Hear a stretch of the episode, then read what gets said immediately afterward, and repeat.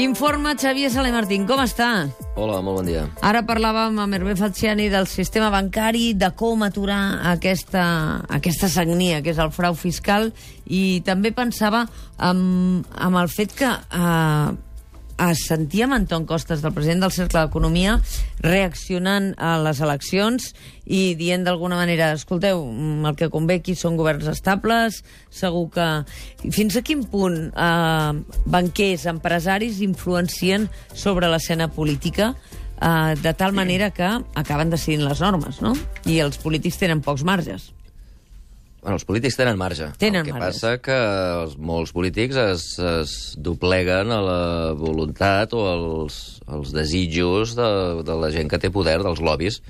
Uh, I diguem, mencionaves l'Anton Costa. L'Anton Costa és el representant del Cercle d'Economia, que és un lobby empresarial. Uh -huh. Hi ha lobbies d'empreses, hi ha lobbies de treballadors, hi ha lobbies de tot tipus, i, i és veritat que moltes lleis, i, amb, i entre elles les lleis eh, fiscals, eh, que són innecessàriament i extraordinàriament complicades, Sí. o sigui, per entendre el, el, el sistema fiscal espanyol o francès, o, doncs es necessites tenir assessors i, i, i advocats de tots tipus perquè una persona normal no ho pot entendre, i tot això està fet expressament, eh? tot això està fet perquè hi ha gent que té poder, que intenta que sigui extraordinàriament complicat, perquè sempre hi hagin maneres d'escapar-se absolutament legals.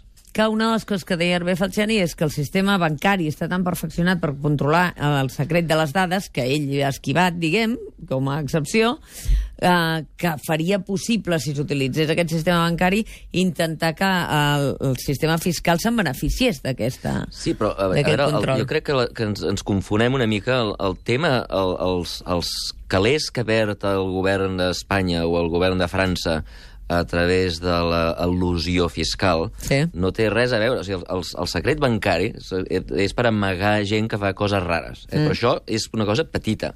L'evasió fiscal, de veritat, no evasió, l'al·lusió, perquè és legal, és la que fa que les empreses que tenen multinacionals, que tenen centres a diversos llocs, doncs acaben utilitzant les lleis i de manera legal... eh, Escaquejant els impostos. La mare dels ous està aquí. Sí, sí. Eh? Hi ha molta evasió de gent que, escolta'm, que s'amaga els diners a Andorra o a Suïssa. Això és la xocolata al lloro. La, lo, lo de veritat, la pasta de veritat que ens falta és la que s'evadeix legalment. Ja. Legalment. I llavors la pregunta és per què no es canvien les regles? Per què no es canvien les lleis, no? Si es fa legalment i moltes empreses que havien de pagar aquí acaben pagant allà perquè allà es paga menys, per què no es canvien les regles? I aquí és on entren els És a lobbies. dir, que quan Botín tenia 2.000 milions fora i després quan es va saber perquè ell ni ho sabia que tenia una herència fora i eren 200 milions eh, que va haver de pagar de multa, etc. això eh, eh, la gent el que percep és que aquest senyor és un evasor. Sí, però aquest, aquest evasor, i li Sí. sumes 40 evasors més, i li sumes 1.000 evasors Sí. més, eh, sumes tots els calés Podríem que anava a dir... exemples diversos, Són- eh, no, però- no, no sé, i no vull parlar del botín perquè no sé el seu cas, però si sumes tot això, és poquet. Eh? Ja sé que són molts calés, però... Home, 200 milions de multa són bastants. Però, Bueno, però 200 milions de multa no és res si compares amb el pressupost de l'estat espanyol i si compares amb la quantitat de galers que Ja. hauria de tenir l'estat espanyol donada la pressió fiscal que paguen els que realment paguen. Per què? Perquè, diguem, on està el problema? Doncs ja està, el pro- el problema no està eh, amb els calés que estan Mm. a Suïssa. El problema és els, els calés que estan aquí, o els, els calés que empreses que de manera legal, insisteixo, de manera legal, eh, fent les coses de manera legal, en lloc de pagar aquí, paguen a Irlanda. Mm -hmm perquè els impostos són més baixos. Eh? El problema és un problema de lobbies, eh? un problema de que moltes d'aquestes empreses tenen un poder polític o utilitzen els seus polítics perquè facin uns, unes lleis que els hi permetin fer això. Ah. Eh? Les grans empreses no fan res il·legal i, per tant, no estan a la llista Falciani. No estan a cap llista il·legal. No tenen els calés a Suïssa. No, no, tenen els calés a Madrid. Uh, uh, i, i ho han fet tot legal i tenen uns equips d'advo- d'advocats brillantíssims i numerosíssims val? Um, i, i, i, i la solució d'això és una solució política i llavors ens hem de preguntar i per què els polítics no ho fan? Doncs perquè aquestes, aquestes empreses i aquests lobbies tenen un poder Bueno, en qualsevol cas, aquestes eleccions del 24 de maig, a moltes, a molts des parts del territori, la gent ha anat a votar i els ha dit doncs feu, perquè si no ho feu, sortiu, i ara hem vist com desfilaven alguns barons del Partit Popular, malgrat que Mariano Rajoy diu no passa res, és evident que les polítiques els hi han passat factura, no? És a dir, uh, Sí, hi ha un moment que aquesta sí. cosa de que l'economia va molt bé a Espanya i que hi ha gran recuperació econòmica, el 24M uh, ho ha tirat per terra. Sí, a veure, el, el, no sé si la gent ha votat amb el tema d'evasió fiscal... No, no, no, amb el tema de empreses. política econòmica tot va molt bé, tot va molt millor, doncs segurament això, no. Això és una cosa que ha intentat el PP. Escolta'm, els hi vendrem la moto de que l'economia va molt bé. Fixa't que aquí hem dit diverses vegades, eh, allò del precipici. Eh? Estàvem a dalt de tot, hem caigut a baix, estem agafats amb una branca. Sembla que en relació, eh, diguem, estar baix de tot, sí que pugem una miqueta, pugem una miqueta, però en relació on estàvem i on havíem d'estar, no. I, clar, la gent no nota eh, on hauríem d'estar. La, la gent el que nota que estem a baix de tot. Mhm. La gent nota que estem a baix de tot i que no, i que no, no arriba a final de mes. I les xifres de pobresa que acabem d'explicar aquest Exacte. matí ho indiquen, I, no? I el creixement econòmic de tot això és veritat, és veritat que estàs creixent més que ningú, però estàs a baix de tot. Eh? Estaves a dalt, estàs a baix de tot, i ara creixes més... És el problema quan es donen les xifres en percentatges Quan de creixement. Sí, les- xifres sempre es poden donar d'una manera que sembla, sembla, Que sembla que tot va molt bé. sembla que tot va bé o sembla que tot va molt malament. O sigui, les xifres, l'estadística és una cosa que es, o, o en saps molt o sempre et colen gols. Eh? Um, i, i, I clarament, clarament, és veritat que l'economia comença a, a no anar enrere, comença a anar una mica endavant, però en relació al 2008, que és quan la gent recorda, dius, escolta, mi el 2008 podia pagar la hipoteca, podia anar al cap de setmana a la Costa Brava, eh, podíem eh, fer coses amb els fills, i, i, va, i ara no podem fer res. I es veuen això i dius, escolta, doncs potser sí que va bé, però a mi no, a mi no em va bé. Eh, I és veritat. I és veritat que en relació a fa un any, que quan que estàvem allò eh, diguem, ofegats en relació a fa un any. Sí que anem una mica millor i potser la gent sí que nota que va una mica millor però la gent no mira en relació a fa un any. La gent mira en relació a fa quatre anys. Jo recordo un dia que, hosti, que teníem cotxe que anàvem de cap de setmana i això ja no ho podem fer. I som molts els que no ho podem fer M'entens? I aleshores, eh, clar, eh, quan tu quan arriba el Montoro o el Guindos o el Rajoy amb uns gràfics dient mira, mira, somos los mejores Bueno, i d'Europa... Europa els avala, eh? Perquè Europa els premia i els hi diu seràs el president de l'Eurogrup, perquè ho has fet tan bé. Els d'Europa també els castigaran, però, però diguem, la gent, quan els ensenyes els números i ells veuen que, no, que, no, que a casa seva segueixen sense poder d'anar de cap de setmana a la Costa Brava, doncs eh, la gent es cabreja. Això, això per una banda. Per altra banda, diguem, jo sempre, sempre he pensat, i estic convençut, que les eleccions les guanya eh, no qui té raó ni qui, té, ni qui, ni qui fa les coses bé, eh, les guanya qui fa, ara perdoneu l'expressió, però no, no, no, em surt d'altra manera, qui fa trempar els seus, eh, qui fa exitar els seus. Eh? Um, i, I aquí eh, hi ha hagut uns que han fet trempar i uns altres que no han fet trempar. El Partit Popular no ha fet trempar, més aviat ha fet destrempar. Uh, el sobiranisme no ha fet destrempar, però tampoc ha fet trempar. Ens ha deixat tots una mica, diguem, tous, eh? Uh, I hi ha hagut uns que han fet trempar. Eh? L'augment de participació fixa't a les zones on guanya la de Sí. Colau vol dir que els seus estaven trempats. Eh? Uh, I la lliçó que han de prendre el sobiranisme, des del meu punt de vista, és, escolta'm, o feu trempar la gent o això no anirà enlloc. I la culpa de que la gent no estigui trempada és dels líders polítics que han fet desinflar això. Però... La Uh, culpa, la gent estava trempada. Recorda la, els ulls, les llàgrimes de la gent al 9-N quan estava votant i pensava en l'avi que no podia votar. Hi havia una trempera col·lectiva que l'han fet desinflar ells. I aquests líders, eh, no dic quins, tots, no, no, dic, no senyalo ningú en particular, tots, aquests líders que no estan fent trempar la gent són els que estan eh, desanimant a la gent que haurien d'estar animant. Eh? Eh, I l'exemple, crec jo, l'exemple d'aquestes eleccions està claríssim. Si tu vols guanyar, has de fer trempar. I les baralletes, i els insults, i el senyalar, i el fotre el dit a l'altre, a l'ull de l'altre, etc etc, això no fa trempar. Sí, però al final la gent també vota, com molt bé deia eh, Xavier Sala i Martín, perquè no pot anar de cap de setmana o perquè no pot comprar el pa i els croissants eh, cada dia i, i ho fa d'una altra manera que no ho feia, eh? Vull dir, I, i, que la gent té, també... I perquè té una il·lusió de que hi haurà uns que els hi permetrà doncs, poder anar al cap de setmana i comprar pa, o els hi permetrà, diguem, tenir coses que ells volen sigui la independència, sigui eh, poder decidir les coses a l'Ajuntament però és, és, et genera, genera il·lusió. O sigui, la, la, la gent que et genera il·lusió, eh, encara que sàpigues que millor no aniràs de cap de setmana la setmana que ve, si et generen il·lusió, fa que votis. Eh? I fixa't, repeteixo, fixeu-vos amb les dades de participació.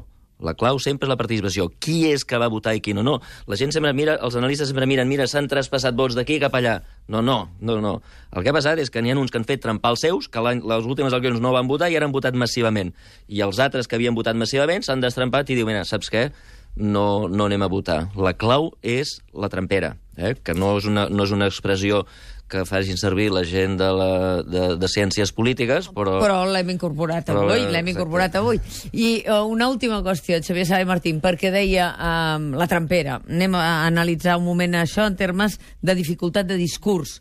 Um, segurament el discurs d'explicar, i això ho hem vist el dia després de les eleccions, com la borsa de cop i volta, diu, oh, incertesa l'endemà, baixa la borsa, no sé què, que genera un canvi d'escenari polític en el cas eh, del procés sobiranista que acabés amb la constitució d'un nou estat, això a la gent se li ha d'explicar molt bé perquè no li generi inseguretat, justament, sí. no? Sí, però mira, això una, una cosa, ho va dir l'ambaixador dels Estats Units a Espanya, quan el, els periodistes li van preguntar mm. perquè volien que digués que això seria un desastre, diu, mira, saps què? Les empreses s'han adaptat a tot. Les empreses a l'Iraq, al mig d'una guerra, s'adapten. Les empreses als Estats Units, després de la, del punt com, s'adapten. Les empreses als Estats Units, després dels atacs de l'11 de setembre, s'han adaptat. Les empreses s'adapten a tot. I les empreses a Catalunya, a una Catalunya independent, s'adaptaran. Eh? Um, fixa't el, el, els, els... Quan, quan, quan va començar la revolució industrial, eh, i van aparèixer unes màquines sí. noves, els artesans anteriors, els que vivien, de, diguem, els que es guanyaven els calés amb les tecnologies anteriors, van anar i van començar a tirar pedres a les màquines i les van intentar destruir. Sempre hi ha uns lobbies que volen evitar el canvi, eh? però un cop el canvi s'introdueix, un cop tothom veu que el futur són els talers mecànics, eh? Uh, escolta, les empreses es van adaptar, es va adaptar tothom, i avui dia tothom fa servir talers mecànics i tothom està feliç. Eh? I quan vingui una nova tecnologia, els que són ara, els que, els que, els que tiraven pedres i que ara són els grans defensors dels talers mecànics, s'adaptaran i defensaran les noves tecnologies. I aquests que ara estan dient no a la independència, quan siguem independents, seran els que més ho defensaran.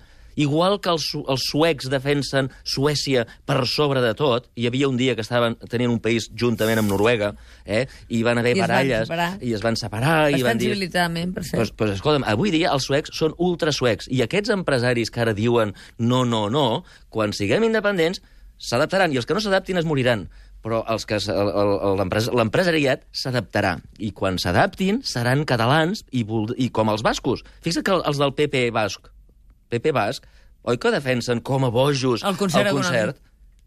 Què, què els hi passa? Que, són, que, són, que, que, que, que, que tenen un ADN diferent dels del PP espanyol o els del PP català? No, no, és, que, no és, és, és que tenen el concert i un cop el tens no el vols perdre. Doncs un cop tinguem un sistema econòmic que ens permeti agafar els calés que paguem els catalans, perquè els paguem, tothom sap que aquí paguem una borrada d'impostos. I aquests impostos desapareixen amb un sistema que ningú entén ben bé com va, però que després, a l'hora de pagar les nòmines dels hospitals, no les podem pagar. I després, a l'hora de pagar els proveïdors... Que diem... Les nòmines va dir el, el conseller Oms ahir que sí. No, però que no, no, no, no. Va dir que, no, no, que les, va, no, les nòmines estaven assegurades. No, però això, però això no és veritat. Perquè va dir les nòmines dels hospitals mm. estan assegurades. Els proveïdors no. I què collons són els proveïdors? L'empresa que, que proveeix les medicines no té treballadors? I qui pagarà aquelles nòmines? Aquelles nòmines no estan assegurades. Què passa, que no són treballadors? No, sí. estan assegurades les dels treballadors de la Generalitat. Públics. Però totes les altres nòmines que depenen d'això no estan assegurades. I per què? Perquè els catalans no paguem impostos? Perquè no hi ha prou calés? No, perquè tenim un sistema que fa que aquests calés desapareixin a les profundes butxeques d'un estat que ningú entén eh? I, que, i, que, i que no tornen. Eh?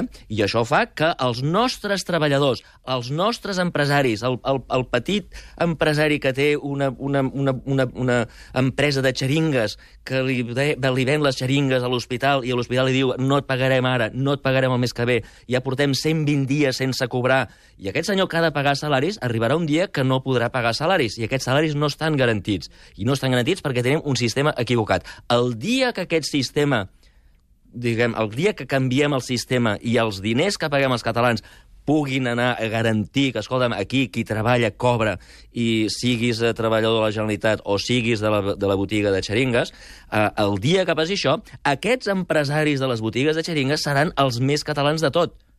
Ara, el que hem d'aconseguir és un sistema en el que això passi. I perquè això passi, els partits que defensen això han de fer trempar la gent si no la, si no la fem trempar, escolta'm, seguirem amb aquest, amb aquest sistema i, escolta'm, qui, qui diguem, anirem, anirem tirant, eh? Um, com es diu allò? Qui dia... Qui dia passa, Qui dia any, passa, empeny. any empeny. No Doncs- ho sé si els empenyarem gaire, doncs ja, perquè sembla ser que la situació comença a ser bastant crítica. Eh? Absolutament, absolutament. Però insisteixo, que tothom sàpiga que no és perquè no paguem els catalans. Eh? Tu Jo- pagues jo impostos, temo que sap, aquí sabem. tothom paga, Jo em tu paga els que els impostos. ho saben. El, el que hi ha, el, el, diguem, els, els, els, que, els, que, el, el, els catalans paguen suficients calés. No tothom paga, eh? ja m'ha dit abans que hi ha gent que s'escaqueja. Doncs 16.000 Però- milions d'euros estan la calculats gent en que frau paga- fiscal a Catalunya. Eh? La gent que, no és paga impostos, Cosa, eh? però la gent que paga impostos, eh, paga suficients impostos com perquè això no passi.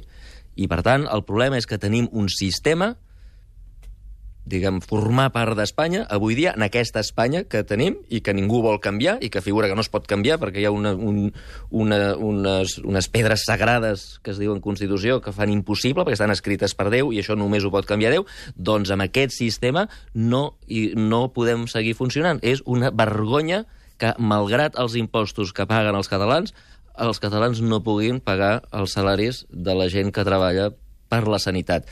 Amén. Xavier Salé Martín, moltes gràcies. Vinga, gràcies Fins d'aquí a tu. 15 dies. El matí de Catalunya Ràdio, amb Mònica Terribas.